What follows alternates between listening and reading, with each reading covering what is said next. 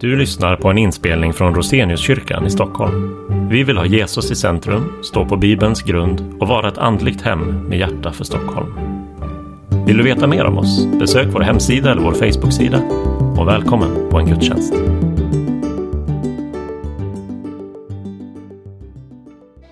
Vi eh, sätter igång. Välkomna hit denna onsdagskväll till Gränden och Roseniuskyrkan. Och eh, roligt att se er här. Det ska bli fint att få ta upp det här ämnet tycker jag. Jag är glad att Hanna är här ikväll. Hanna Fryxelius är medlem här i Roseniuskyrkan och en väldigt eh, flitig och eh, energisk person som är engagerad i allt möjligt. Jag ska se om jag kommer ihåg ur minnet här nu de sakerna jag tänkt räkna upp. Dels så har du alldeles nyligen haft ett seminarium på The Gospel Coalition, eh, den nordiska Gospel Coalition, deras konferens. Eh, du har en podd som heter Fatta tro om man vill lyssna mer eh, på Hanna efter ikväll. Ett Instagramkonto som heter Bibel och bröd. Och du har precis skrivit ett bibelstudiematerial. Är det, finns det offentligt än? Inte riktigt? Nej. Nej, det kommer. Allt detta medan du också tar hand om din son Ruben. Eh, Men inget av det är ens anledningen till varför Hanna är här ikväll. Utan Hanna är också med i styrelsen för något som heter Livsval. Som är en organisation som eh, handlar om att eh, både opinionsbilda men inte minst stötta i situationer kring just krisgraviditet och abort som ämnet för ikväll. Så tack för att du är här Hanna. Kul att du ska berätta om det. Eh, ämnet alltså krisgraviditet och abort. Hur kan vi hjälpa? ja, vi börjar med en bön, tycker jag. Herre, vi prisar dig för den du är, livets Gud, som har skapat allt eh, och som har skapat oss och eh, uppfunnit eh, och designat oss så fantastiskt att vi kan få vara medskapare tillsammans med dig eh, och få bära fram nytt liv till den här världen. Eh, och du ser att det, det är en uppgift som, som är fantastisk men också väldigt svår eh, för många eh, och som gör att eh, en del väljer bort den möjligheten att få, eh, få ta emot ett barn som du har gett dem. Och vi ska prata om det idag och jag ber att du ska ge oss ödmjukhet och eh, förståelse och kärlek. Men också en, en ehm, eh, passion och en, en eld för det som, som ligger på ditt hjärta. Eh, och som, eh, som handlar om att stå upp för de som är svaga och kämpa för rättvisa även eh, när, det, är- när det är jobbigt. Välsigna den här kvällen och alla som, som är här nu. Amen. Välkomna. Eh, jag vill börja med att säga att det här ämnet som vi ska prata om, abort, det är väldigt känsligt. Och det är också något som berör väldigt, väldigt många människor.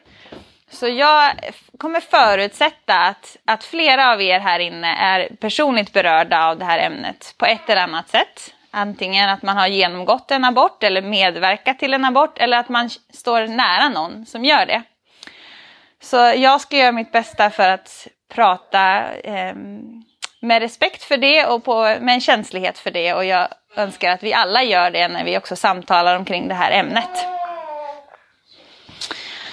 Eh, men jag tänkte att jag ska berätta lite grann om min historia, omkring varför jag valde att engagera mig i de här frågorna. Och sen så kommer jag berätta lite grann om livsval och vårt arbete och så tar vi frågor på slutet. Så jag växte upp i en eh, kristen familj, var engagerad i kyrkan. Men eh, jag hörde aldrig någon som pratade om abort. Det var ett ämne som aldrig nämndes om. Och inte i skolan heller vad jag kan komma ihåg. Så för mig var det väldigt, bara ett hål av okunskap.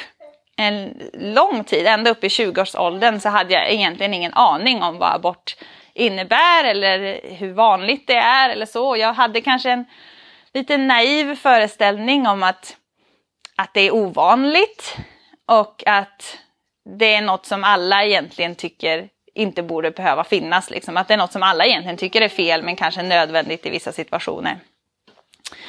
Och det var det enda jag tänkte omkring det. Jag visste ingenting mer än så.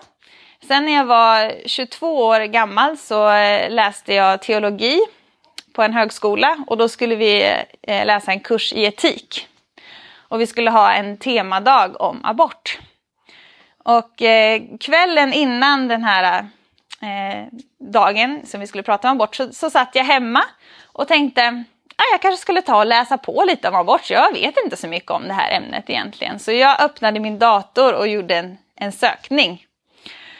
Och fick mitt livs chock verkligen när jag började läsa om det här ämnet. Eh, det var en sån här eh, som ett paradigmskifte där det, det, finns ett före den dagen och ett efter den dagen i mitt liv. Eh, där jag bara skakades om av, av att få, få kunskap om att det här är inte alls ovanligt. Det här är jättevanligt.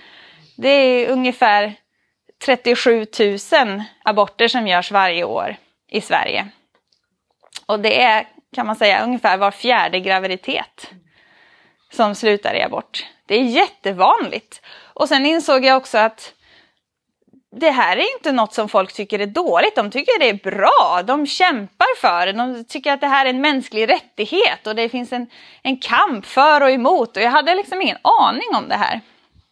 Så eh, för mig så, som liksom har en kärlek för barn och som det var så självklart att det är klart att barnen är värdefulla även i magen så blev jag helt chockad av att få kunskap om det här.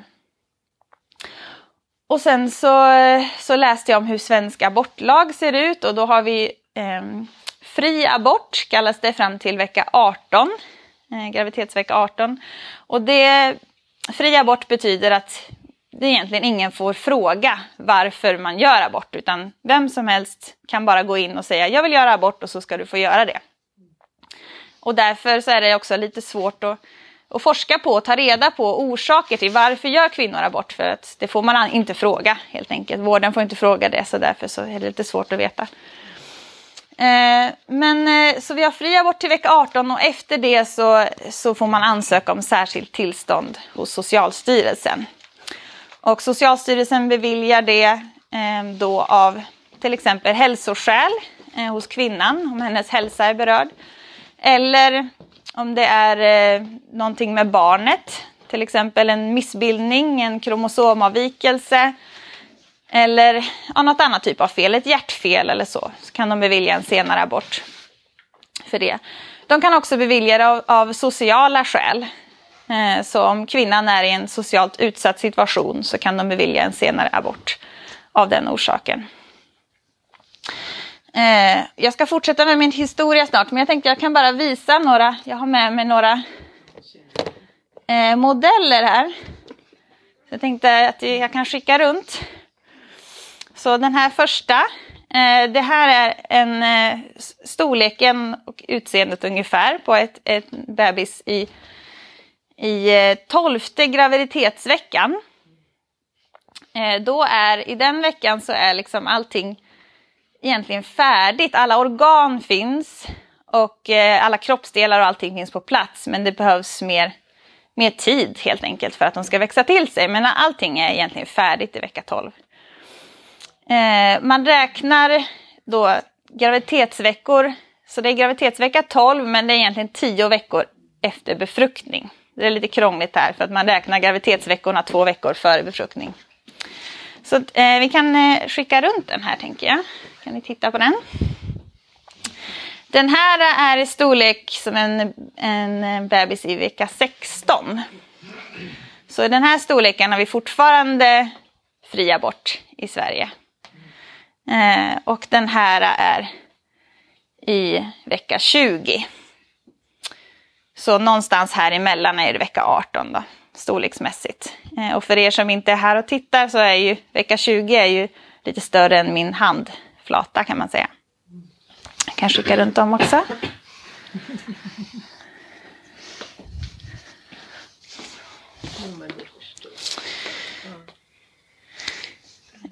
Så eh, en sak som jag också läste när jag satt där på kvällen hemma med min dator och grät och var helt upprörd över det här som jag inte hade haft en aning om tidigare i livet det var att i, i Sverige så finns det en, en praxis i de flesta regioner, jag vet inte om det är i alla regioner, men de flesta, att alla aborter som görs efter vecka 12 eh, de eh, sparar man i en särskild frys och sen så kremerar man dem och begraver i minneslund.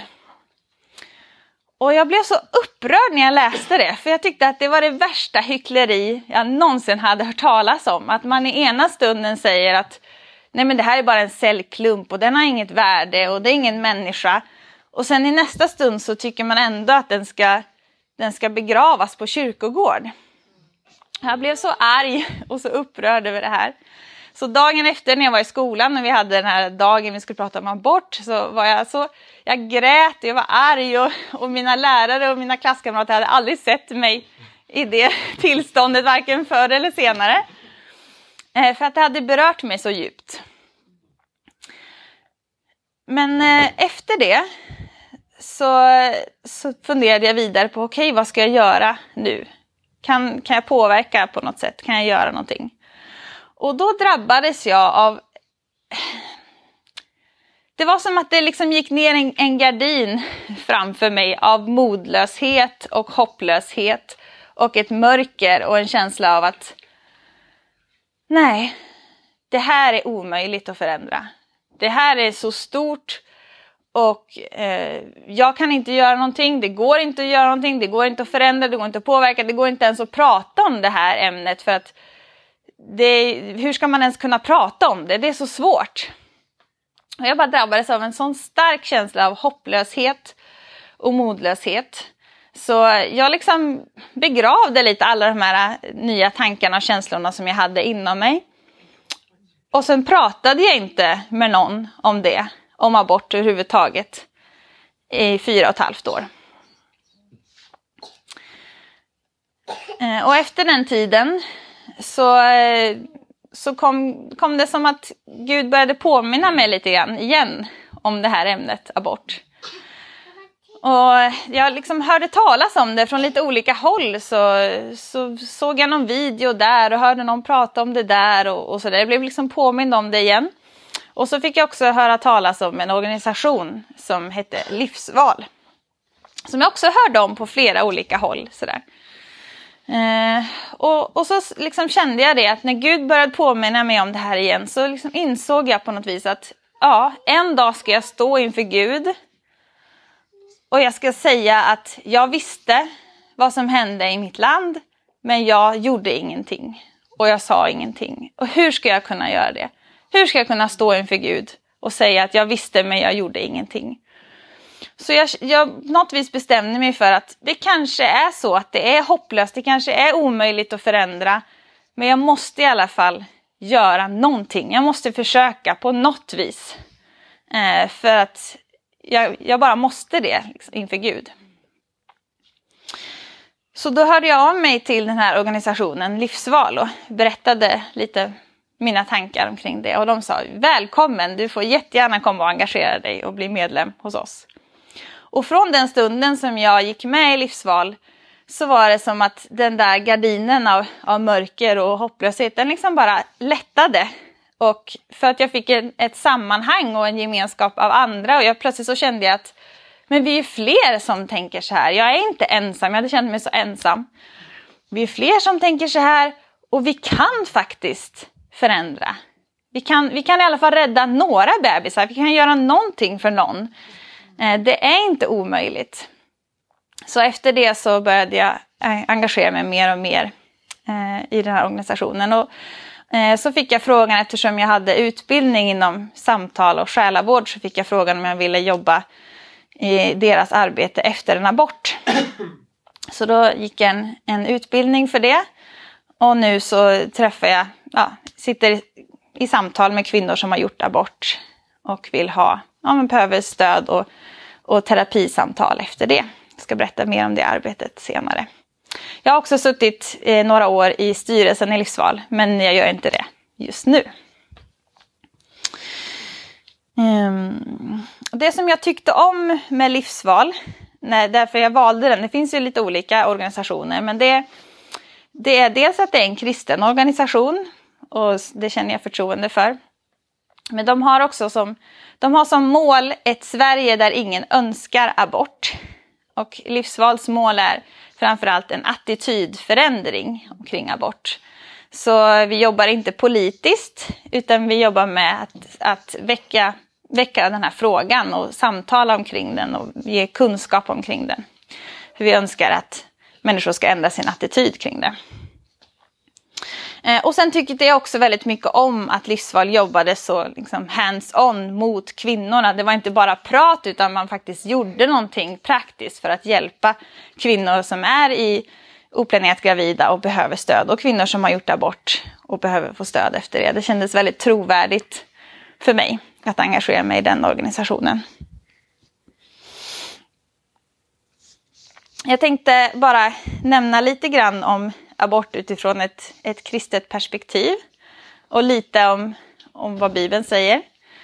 Ehm, Bibeln talar ju om att Gud känner oss från att vi ligger i mammas mage. Bland annat så står det i, i psalm 139, vers 13-16. Du har skapat mina njurar. Du vävde mig i moderlivet. Jag tackar dig för att jag är så underbart skapad. Underbara är dina verk. Min själ vet det så väl. Benen i min kropp var inte osynliga för dig när jag formades i det fördolda, när jag bildades i jordens djup. Dina ögon såg mig när jag bara var ett foster. Alla mina dagar blev skrivna i din bok, formade innan någon av dem hade kommit. Det står också om att Gud avskyr spillandet av, av oskyldigt blod. Eh, och så står det i en, en text som är en beskrivning av Israels fiender. I Jesaja kapitel 13 och 18 då står det att deras bågar fäller unga män.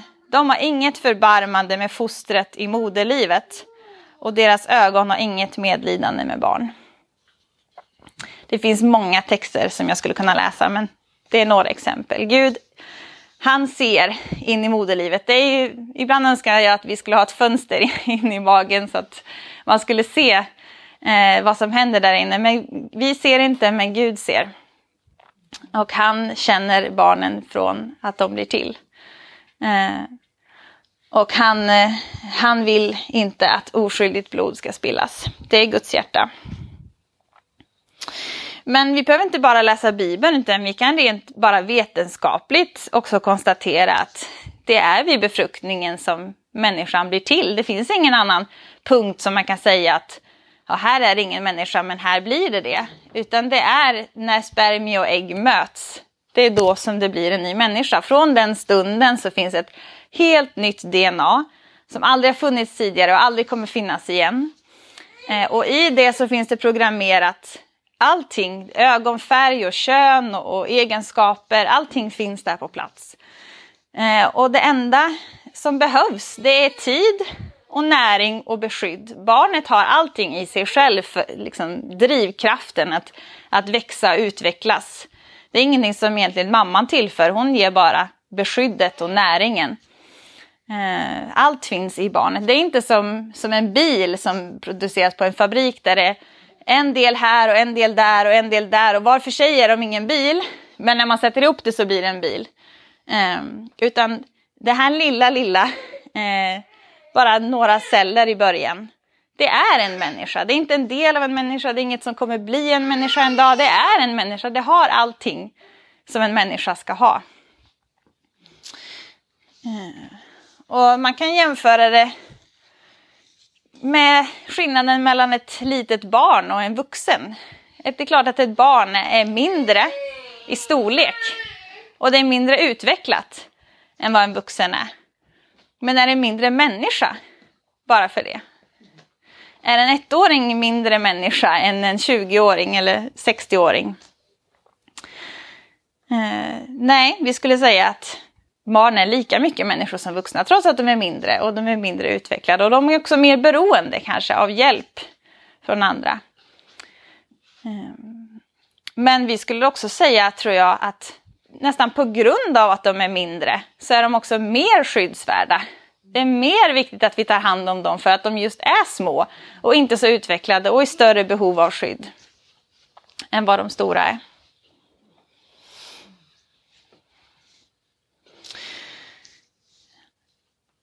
Så man kan undra varför inte fler eh, tycker att det vore en självklarhet att barnen ska få leva eh, redan från i magen.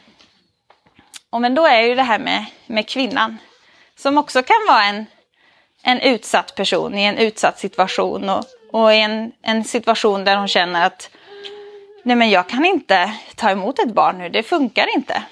Och då vill vi såklart även som kristna stå på hennes sida och visa barmhärtighet och kärlek mot henne. Och fundera på vad behöver den här kvinnan som är i en sån situation? Hur ska vi hjälpa henne? Och jag tror att det är en lögn och någonting väldigt farligt när vi ställer kvinnan och barnet emot varandra. Som att det, det ena, det är liksom en kamp, mellan, en konflikt mellan kvinnan och barnet. Och, och att frågan om abort är antingen står det på kvinnans sida eller så står det på barnets sida. Jag tror inte att det är så. Jag tror inte att Gud tänker så. Jag tror att Gud står på både barnets och kvinnans sida och att det är det vi ska göra som kristna också. Vi ska hjälpa dem båda. Och jag tror inte att abort är bra för kvinnan heller. Det kanske känns som en kortsiktigt bra lösning som löser hennes problem. Men efter att jag har mött många kvinnor som har gjort abort och hört många vittnesbörd från de som är i oplanerade graviditeter så vet jag att det är också många kvinnor som far väldigt, väldigt illa av abort i vårt land idag. Det är faktiskt så att de första feministerna, de var emot abort. Eh, och de sa att det här, kommer vara för, det här kommer inte vara bra för kvinnor om vi får fri abort. Och män kommer använda abort för att förtrycka kvinnor. Och det är vad vi ser mycket i de kvinnorna som vi möter i Livsval i vårt arbete Oplanerat gravid. Att det är väldigt många kvinnor som egentligen skulle vilja behålla sitt barn men de blir pressade, de blir hotade, de blir utpressade ibland av mannen. Eh, som hotar med att lämna, hotar med att ta barnet ifrån henne, hotar med att han ska ta sitt liv om hon behåller barnet och allt möjligt. Naturligtvis kan det också vara åt andra hållet ibland, att det är mannen som vill behålla barnet och kvinnan pressar honom att göra abort och han har ingenting att säga om det i vårt samhälle idag. Men vi möter många kvinnor som egentligen innerst inne så vill man behålla sitt barn därför att Gud har ju skapat oss med en modersinstinkt och så fort man blir gravid så får man massa hormoner som, som gör, skapar den här anknytningen till barnet. Eh, och man har den här instinktiva känslan av att man vill ha det här barnet, man vill beskydda det, man vill ta hand om det. Men sen är det så många omständigheter så då börjar man tänka på men hur ska det bli med det här och det går ju inte och jag har inte pengar och jag har inte jobb och min relation och kommer jag orka med? Och, och så tänker man på det och så säger man nej nu måste jag vara rationell och, och ta det rationella beslutet här och det, blir, det är bara abort som går. Och jag tycker att det är sorgligt i vårt samhälle att man ska känna att det ska vara den enda lösningen på ens problem. Att abort ska vara liksom den självklara lösningen. Och vi pratar om det som om det är en, en fråga om valfrihet. Att det ska, vara, det ska vara kvinnans val. Hon ska få välja, säger man ofta. Men väldigt många kvinnor som vi möter, de säger nej jag hade inget val. Jag var tvungen att göra abort. Det var det enda som gick. Eh, jag hade inget val.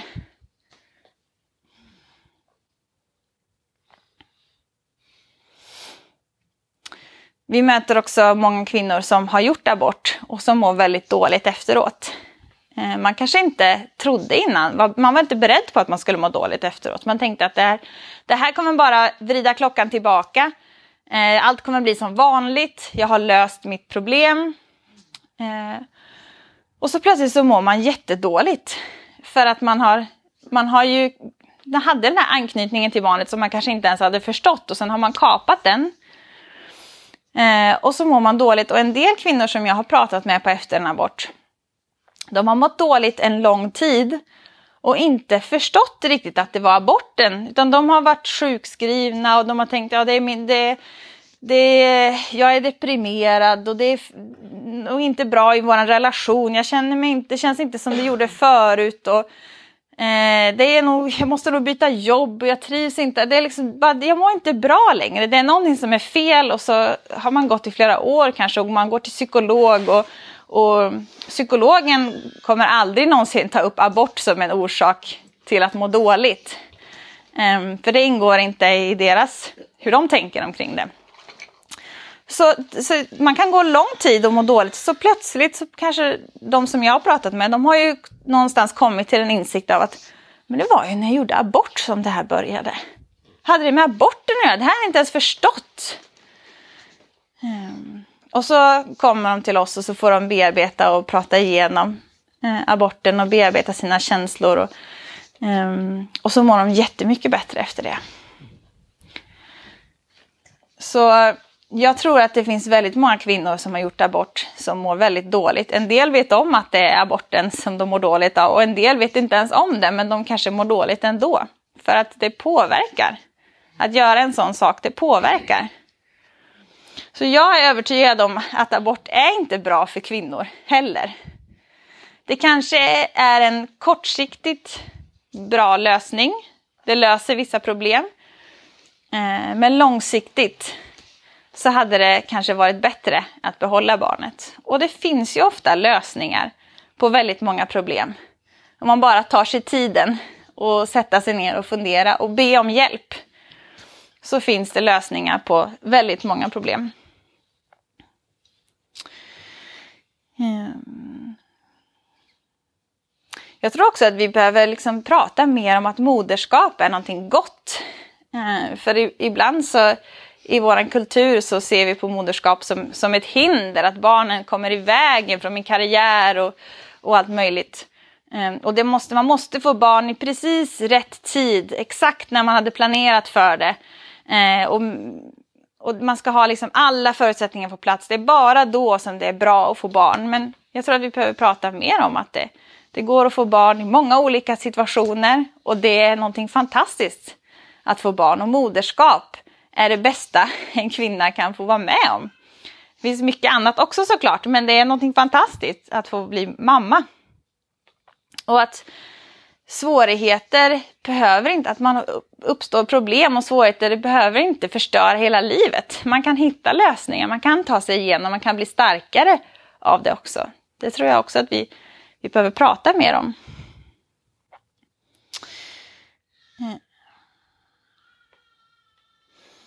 Så i livsval, eh, vi står på tre ben kan man säga. Vi har tre huvudarbeten som vi jobbar med. Eh, och det första det är folkbildning. Så det är det som jag gör här ikväll. Att vi, vi berättar om abort, vi vill lyfta det här ämnet och, och hålla föreläsningar. Och vi gör manifestationer och vi försöker lyfta det här ämnet på olika sätt. Ehm, det andra det är oplanerat gravid och det tredje är efter en abort. Jag ska berätta lite mer om de arbetena. Så oplanerat gravid, det finns lite broschyrer här som ni kan få titta på efteråt också. Men eh, eh, det är ju så nu för tiden att eh, när, man, när det uppstår problem i livet, när man får frågor så ringer man inte till sin mamma, man ringer inte till doktorn, man ringer inte till pastorn eller så, utan man, man frågar Google. Det är det första man går till när man har något problem eller en fråga. Eh, så det är jättemånga som googlar, jag är oplanerat gravid, vad ska jag göra? Och då kommer vår hemsida upp eh, oplanetgravid.se och så går man in där och då finns det en chatt. Så då har vi medarbetare som sitter på chatten och så, så chattar man och, och skriver frågor och så kan man få lite hjälp och, och tänka eh, och bolla och vill man så kan man prata vidare. Man kan boka telefonsamtal och, eller videosamtal. Och en del vill ha jättemycket samtal. De kanske vill ha samtalsstöd genom hela graviditeten för att de ska känna att de ska klara av det här. Eh, och en del behöver bara få bolla lite tankar och sen är de nöjda. Eh, en del behöver mest få prata. En del behöver lite mer praktisk hjälp. Eh, man kanske får hjälpa dem med olika praktiska saker och försöka tänka ut lösningar. En del behöver socialt nätverk. Så då kanske man får... Ibland har vi ringt till, till en kyrka i den staden där kvinnan bor och bara hej, vi har den här kvinnan som behöver någon som kan hjälpa henne lite. Kan, har ni någon som skulle kunna hjälpa henne? Så liksom hjälpa och hitta ett, hitta ett nätverk som kan stödja henne om hon är väldigt ensam till exempel. Vi kan också eh, hjälpa ekonomiskt. Vi har ett, ett startbidrag som man kan få. Eh, och sen har vi också ett annat bidrag som man kan få lite varje månad under hela första året som, barnets första levnadsår. Eh, och det kan betyda jättemycket för många som oroar sig väldigt mycket för ekonomin, att, att man kan få det här lite extra bidraget. Eh, till alla de som vi har haft kontakt med där vi vet att hon har valt att behålla barnet så, så skickar vi en, en babybox. Så det är ett litet paket, som, eller ganska stort paket, med, med lite olika saker som man kan behöva när man har en bebis. Eh, lite kläder och blöjor och barnbibel och lite sånt. Och det brukar de bli jätte, jätteglada och uppmuntrade av, de här kvinnorna. Eh, vi erbjuder också adoptionsstöd om man skulle vilja adoptera bort barnet. Men tyvärr så är det väldigt, väldigt ovanligt att eh, de, kvinnorna vill göra det. De flesta gånger som vi frågar, ställer frågan om hon är i en väldigt svår situation, hur skulle du tänka kring adoption? Då säger de bara nej, jag skulle aldrig kunna lämna bort mitt barn, det är helt otänkbart. Då gör jag hellre abort. För då känns abort som en mer mer barmhärtigt mot barnet. Eh, att inte behöva leva och bli bortadopterad. Så det är väldigt sorgligt och tråkigt att, att det finns den eh, attityden till adoption. Att man hellre väljer abort. För jag tror att adoption skulle vara en jättebra lösning för många. Men en intressant sak är också att de som ändå väljer adoption och, och går vidare med det, många av dem, de landar ändå till slut i att jag vill behålla barnet själv. Eh, för att man har liksom fått mer tid att tänka och man har knutit an mer till barnet och man känner att nej men jag kanske klarar det här i alla fall. Det finns en eh, jätteintressant eh, dokumentär på SVT som jag rekommenderar som heter Gravid utan att veta. Och eh, den handlar om en tjej som, en ung svensk tjej som eh, eh blev gravid och tänkte oj jag ska göra abort. Självklart, det finns inget alternativ.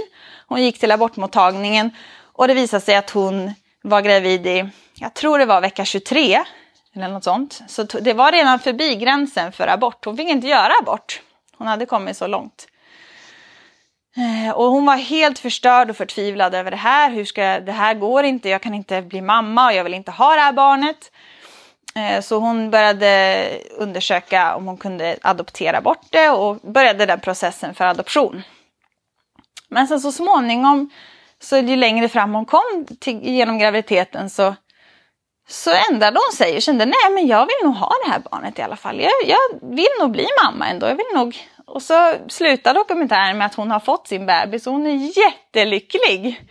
Och alla hennes vänner och allt tycker det är jätteroligt att det finns en bebis med. Och, och relationen till pappan blir bättre och han vill också engagera sig i barnet och sådär. Så det, det är fantastiskt också, bara, bara lite mer tid att få tänka eh, och, och, hitta lösningar på de där problemen. En graviditet är ju ändå nio månader, man har en del tid på sig att, att lösa saker.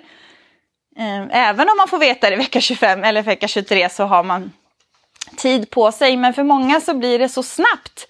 Man, vet att, man får veta att man är gravid och jag måste bestämma mig nu. Och så gör man abort lite för snabbt.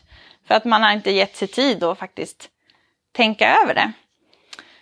Eh, och jag vet en kvinna som jag pratade med på, på efter en abort. Hon berättade att ja, vi, jag och min man, hon var gift och hon, de hade barn tillsammans och så, men vi kände att det går inte med ett barn till nu, det är helt omöjligt i vår situation. Så hon, hon gjorde abort. Och så sa hon att efteråt när vi hade våra samtal och mådde dåligt efter sin abort, nu det enda vi sitter och pratar om på kvällarna det är att vi löser alla de där problemen. Ja, men det där hade vi kunnat lösa på det viset och det där hade nog kunnat ordna sig om vi hade gjort så här. Men nu är det för sent.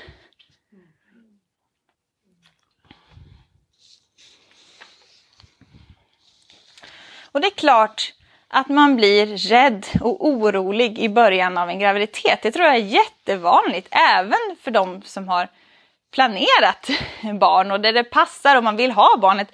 Klart att det ändå kan uppstå massa rädslor och frågor och osäkerheter um, i början på en graviditet. Och det är väldigt normalt.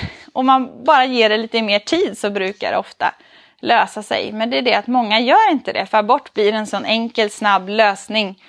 Um, Men just på Oplanerat gravid så jobbar vi för att försöka hjälpa dem att tänka igenom. Men det här problemet, skulle du kunna lösa det på det här sättet? Kan vi hjälpa dig på något vis? För ofta så är det ju just omständigheterna som gör att de känner nej men det här och det här och det här problemet gör att det kommer inte funka med ett barn just nu.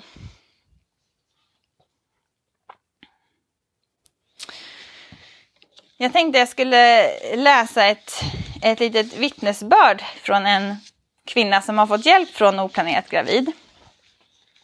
Eh, och eh, hon skriver så här. När jag först fick beskedet om att jag var gravid kände jag att jag var oövervinnerlig, stark och glad. Det varade i cirka 30 minuter. Till skräcken slog in med full kraft. Att bli oplanerat gravid kändes plötsligt som en stor sorg. Jag och min partner saknar helt föräldrar, så tanken på att aldrig någonsin få avlastning samt att allting hängde på mig och min partner kändes omtumlande. Jag själv har inte haft någon trygg anknytning och jag var rädd att inte älska mitt barn. Jag var också rädd att ägna resterande delen av mitt liv åt att ta hand om någon annan. Då mitt liv fram till dess handlat om att själv bli helad från min PTSD som bidrog till psykisk och fysisk ohälsa. Och jag kände mig inte klar med mig själv. Jag var heller inte klar med de praktiska bitarna av mitt liv. Jag hade kvar min C-uppsats, jag hade precis påbörjat en ny anställning på prov och bodde inte ihop med pappan. Jag var väldigt förvirrad och sökte rådgivning på olika håll. Jag bokade tid för barnmorska som sa Tänk igenom om du är redo att ge 18 år av ditt liv till en annan människa. Och Men det är väl ingen som ångrat sitt barn? Det hjälpte inte så mycket. Jag ringde in till abortmottagningen för att rådfråga. Där fick jag prata med en kurator som sa Skriv en lista på för och nackdelar på varför du ska ha barn nu och inte sen. Du är ung och kan få barn igen om du inte vill ha barn nu. Du kan välja att ge ditt liv till någon annan. Jag hittade bara nackdelar på min lista. Så jag ringde tillbaka när jag var klar för att boka en aborttid. Jag ville få det överstökat fort innan det hinner bli ett ordentligt foster jag tänkte att jag skulle slippa nio månader av obehag och 18 år av lidande. Att det skulle vara som ett dagen efter-piller. Jag tänkte att jag inte var redo nu och att jag skulle kunna bli gravid senare när jag ville. Jag tänkte att det inte hade blivit ett barn ännu, tekniskt sett. Tiden var bokad, men jag såg mig själv gå in där och komma ut ledsen. Jag förstod inte varför. Men hela abortgrejen gjorde mig väldigt illa till mods, fast det verkade som det bästa alternativet. Jag googlade och stötte på oplaneratgravid.se. Jag fick någon att chatta med och vi bokade ett videosamtal. För första gången kände jag att jag kunde få hjälp att sortera mina tankar på riktigt. Hon jag pratade med hörde alla mina känslor och rädslor, men hjälpte mig att lyssna till mitt hjärta. Att gå tillbaka till första känslan av glädje, styrka och oövervinnelighet. Hon upplyste mig om att barnets hjärta slår efter dag 23. Jag var i vecka 5. Det som verkligen hjälpte mig var det hon sa om att en graviditet är en unik upplevelse för varje kvinna och att mina känslor, negativa som positiva, får finnas till om jag skulle välja att behålla. Jag hade en stark uppfattning om att jag borde vara glad jämt om jag skulle få lov att vara gravid. Innan så skämdes jag över att jag inte var glad och över att jag tänkte på abort. Det var skönt att slippa den skammen. Graviditeten hade inga större komplikationer men psykiskt var jag utmattad. Men nu när min lilla är född så var allt ett väldigt litet pris att betala. Hon är sådan oändlig lycka för mig. Ett lyckopiller till livet. Hon är hela mitt hjärta som kom ut i människoform. Det känns som att jag alltid har varit hennes mamma och mina farhågor kastades långt bort i samma sekund som hon föddes. Jag hade inte kunnat ge mitt liv till någon annan. Hon är mitt liv. Jag vill inte ha ett liv utan henne. Och jag hade inte stått ut med mig själv om jag hade valt bort henne. Hon är en ängel. Hon var alltid hon och det kan aldrig komma en till som hon. Jag tackar så enormt för, ert välbehövliga, väl, för er välbehövliga vägledning och stöd. Eh, det är så fantastiskt när vi får höra de här vittnesbörden och ibland får vi små bebisbilder på bebisar som är födda efter oplanerat gravid. Ehm. Vi har ett, ett, annat arbete kopplat till oplanerat gravid också som heter oplanerat pappa där vi vänder oss särskilt till män. Eh, och det är fortfarande lite under uppbyggnad men vi tror att det också finns ett behov av att, av att hjälpa män eh, i den situationen. Eh, sen har vi efter en abort-arbetet. Då. Eh, det är lite annorlunda, det är inte en chatt. Eh, men det är ofta det är på samma sätt att man ofta googlar och så kommer man in på vår hemsida. Eh, och, och hittar där och så mejlar man och får boka en tid för ett första samtal. Men efter en abort är en, en terapi, en kristerapi kan man säga, i tio steg. Så vi har tio samtal med varje kvinna. Oftast eh, digitalt, videosamtal brukar vi använda. Det brukar funka jättebra.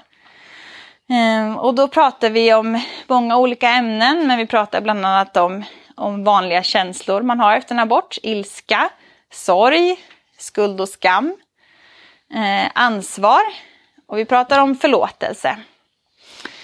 Ehm, och det är ehm, det är också fantastiskt att få följa de här kvinnorna, hur de ofta kommer i början och är helt förkrossade och förstörda och så får man hjälpa dem att få, få bearbeta och, och prata. Och, och, vi har ju ett, vi öppnar med att vi är kristna och att vi har ett kristet perspektiv.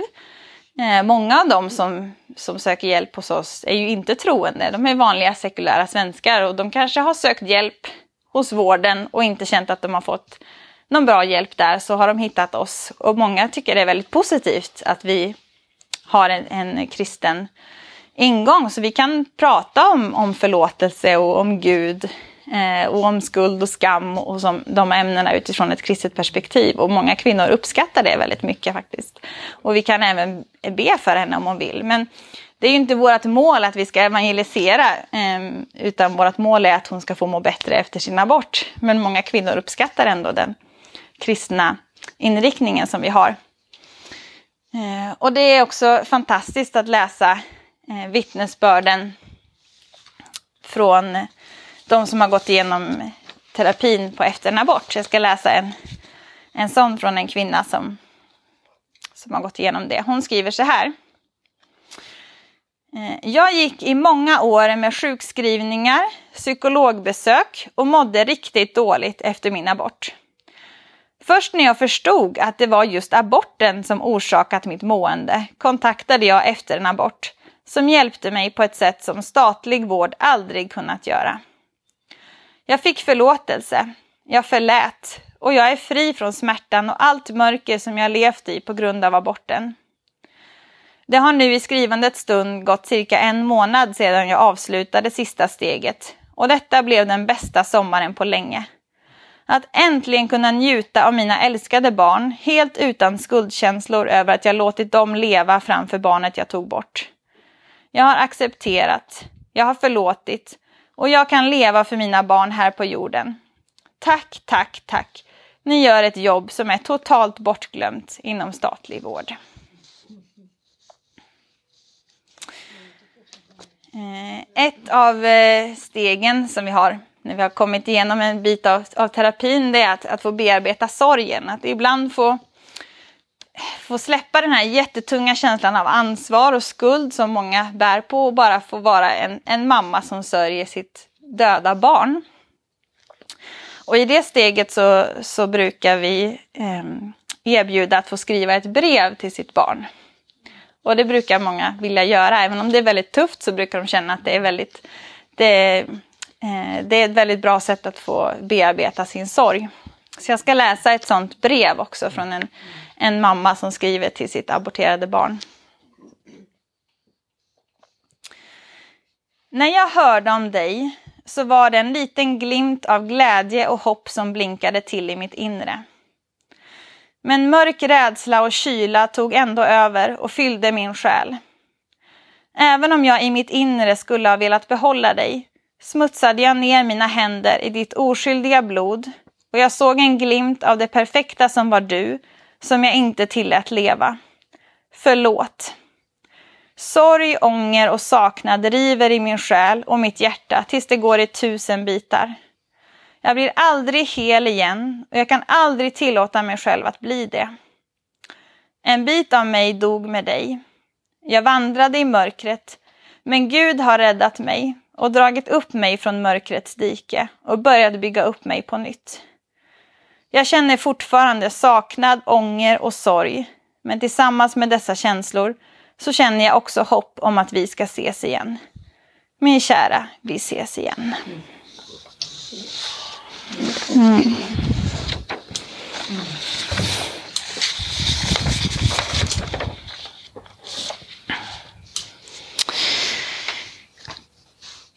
Så det var lite information om livsval och, och vad vi jobbar med. Eh, jag har lite broschyrer här, både om, om efter en abort, om oplanerat gravid och eh, om livsval som organisation, vad vi jobbar med. Och den fjärde broschyren här, den är specifikt riktad till kyrkor och lite vad vi erbjuder eh, till kyrkor. Sen har vi också visitkort för både för oplanerat gravid och för efter en abort. Och de här kan man ta en liten hög om man vill, kan man lägga på toaletter lite här och där. Eh, inte så dumt. Eh, någon som är, kanske behöver det just då. Men innan vi avslutar så tänkte jag bara prata lite praktiskt till, till er som är här. Vad man kan göra eh, om man vill på något vis få, om man kanske känner som jag, jag vet inte vad jag ska göra. Eh, jag, jag, vill göra någonting i den här frågan men det känns så stort och det känns så svårt. Och jag tror att en av de viktigaste sakerna som vi behöver göra det är att vi behöver bryta tystnaden och börja prata om det här ämnet abort. Det är så svårt att prata om det så det blir liksom att vi inte pratar om det alls. För vi vet inte hur vi ska göra. Hur ska man ta upp det med med sina, inte ens inom kyrkan riktigt vet vi hur vi ska prata om det, men ännu svårare på jobbet eller med grannar eller sådär. Eh, och då, då tänker jag att man behöver kanske inte alltid börja med ja, jag är emot abort, vad tänker du? Liksom. eh, man kanske kan försöka hitta en annan ingång till att prata om det. Till exempel eh, så kanske man kan gå in och läsa, läsa lite om fosterutveckling. Det finns jättemycket Eh, till exempel bara på 1177 finns det liksom för varje vecka. Vad händer i fosterutvecklingen? Och det skulle kunna vara något som man kan ta upp. Vet du, jag läste igår att, att eh, hjärtat börjar slå redan vecka fem. Eh, tre veckor efter befruktningen med graviditetsvecka fem är det då som hjärtat börjar slå. Det är häftigt. Tänk vad, liksom, vad häftigt att eh, det är som en liten människa redan då. Och, ja, men det skulle man kanske kunna ha som en liten samtalsstartare. Um, eller man kanske kan eh, berätta om någon egen erfarenhet man har. Jag är säker på att flera av, av oss här har erfarenhet av att man kanske har, har blivit gravid i en situation där det, där det hände någonting som var svårt. Till exempel, ja, men, när vi väntade vårt tredje barn, då förlorade jag jobbet. Eh, och vi undrade hur ska det gå med ekonomin och, och sådär. Men vi kände att nej, men vi vill ändå behålla det här barnet för vi tror att det, barn är en gåva som man ska ta vara på. Så vi gjorde inte abort. Eh, och det löste sig. Det löste sig på det här sättet. Alltså man kan ju berätta sina egna erfarenheter, vad man nu än har för erfarenheter omkring svårigheter man har tagit sig över. Kanske vad barn vad ens barn har fått betyda för en, prata positivt omkring barn och föräldraskap. Um, och det tänker jag kan betyda så otroligt mycket för någon som man har ingen aning om vad människor går och brottas med och kämpar med. Att bara få höra någon annan som säger att ja, vi gick igenom, för man tror liksom som den här kvinnan skrev att man ska vara glad hela tiden. Och när man blir gravid då ska allt vara perfekt och all, alla omständigheter ska vara helt hundra. Men det är ju inte alltid så. Och om vi kunde dela med oss lite mer. Ja, jag tyckte det var jättejobbigt och funderade jättemycket på det här men jag valde att behålla barnet ändå för jag tycker det är värdefullt. Och det blev jättebra, jag är så glad att jag gjorde det. Det kan vara ett, ett samtal som man skulle kunna väcka. Eh, vill man kan man såklart också ta en, en politisk, om man tycker det är kul. Liksom, bara, nu är det ju ändå lite på tapeten i politiken här med att de ska grundlagsskydda aborträtten. Ja, vill du prata om det så är det också ett faktiskt aktuellt ämne att prata om. Eh, om man vill ta den vinklingen. Men det finns så många olika vinklingar man kan ta efter vad man själv känner sig bekväm med att prata om. Man måste inte heller ha svar på, på alla argument kring abort för eller emot det så, utan man kan ju bara dela sin egen, sin egen upplevelse och sin egen känsla. Eh, sen är det ju om, om du stöter på någon som är i en oplanerad graviditet. Eh, hur ska du hjälpa den personen? Eh, och då kanske det är just att man behöver få det här samtalsstödet och, och hjälp att få reda ut sina tankar. Vad vill jag egentligen? Eh, och vad är det för omständigheter jag har som, som känns, gör att det känns svårt? Ja, men kan jag hjälpa dig på något vis? Eh, hur skulle jag kunna hjälpa dig? Behöver du ekonomisk hjälp? Behöver du Eh, praktisk hjälp? Behöver du löfte om barnpassning? Eller så här, eh, kan jag hjälpa dig på något sätt och hjälpa till att eh, bolla tankar? Eh, och visa att man finns där. För väldigt många känner att jag är väldigt ensam och jag kommer inte klara det här. Det är så svårt och det är så stort att få barn. Det, jag, jag är så ensam. Men visa att man finns där. Eh, och man kan naturligtvis också hänvisa till oplanerad Om man, och, eller så kan man någon höra av sig till Oplanerad gravid och säga jag har kontakt med den här kvinnan, jag behöver lite tips på hur jag ska hjälpa henne vidare. Eh, och vi i Livsval välkomnar ju såklart fler medlemmar. Eh, och man kan bli medlem, man kan välja om man vill engagera sig praktiskt på något vis. Vi håller utbildningar för både oplanerat gravid och efter en abort. Så vill man gå med och engagera sig praktiskt i det arbetet så behöver vi mer folk till det. Men det finns många andra sätt också man kan engagera sig i livsval. Ehm, och eh, det är så välkommet med fler händer och fötter i det arbetet. Man kan såklart stötta oss ekonomiskt också. Det finns på i broschyren här tror jag ett swishnummer och bankgironummer. Man kan också gå in på vår hemsida eh, livsval.org och hitta uppgifter där hur man kan kontakta oss eller om man vill ge pengar. Eh, ja. Eh, vi ska ta lite frågor då kanske. Mm.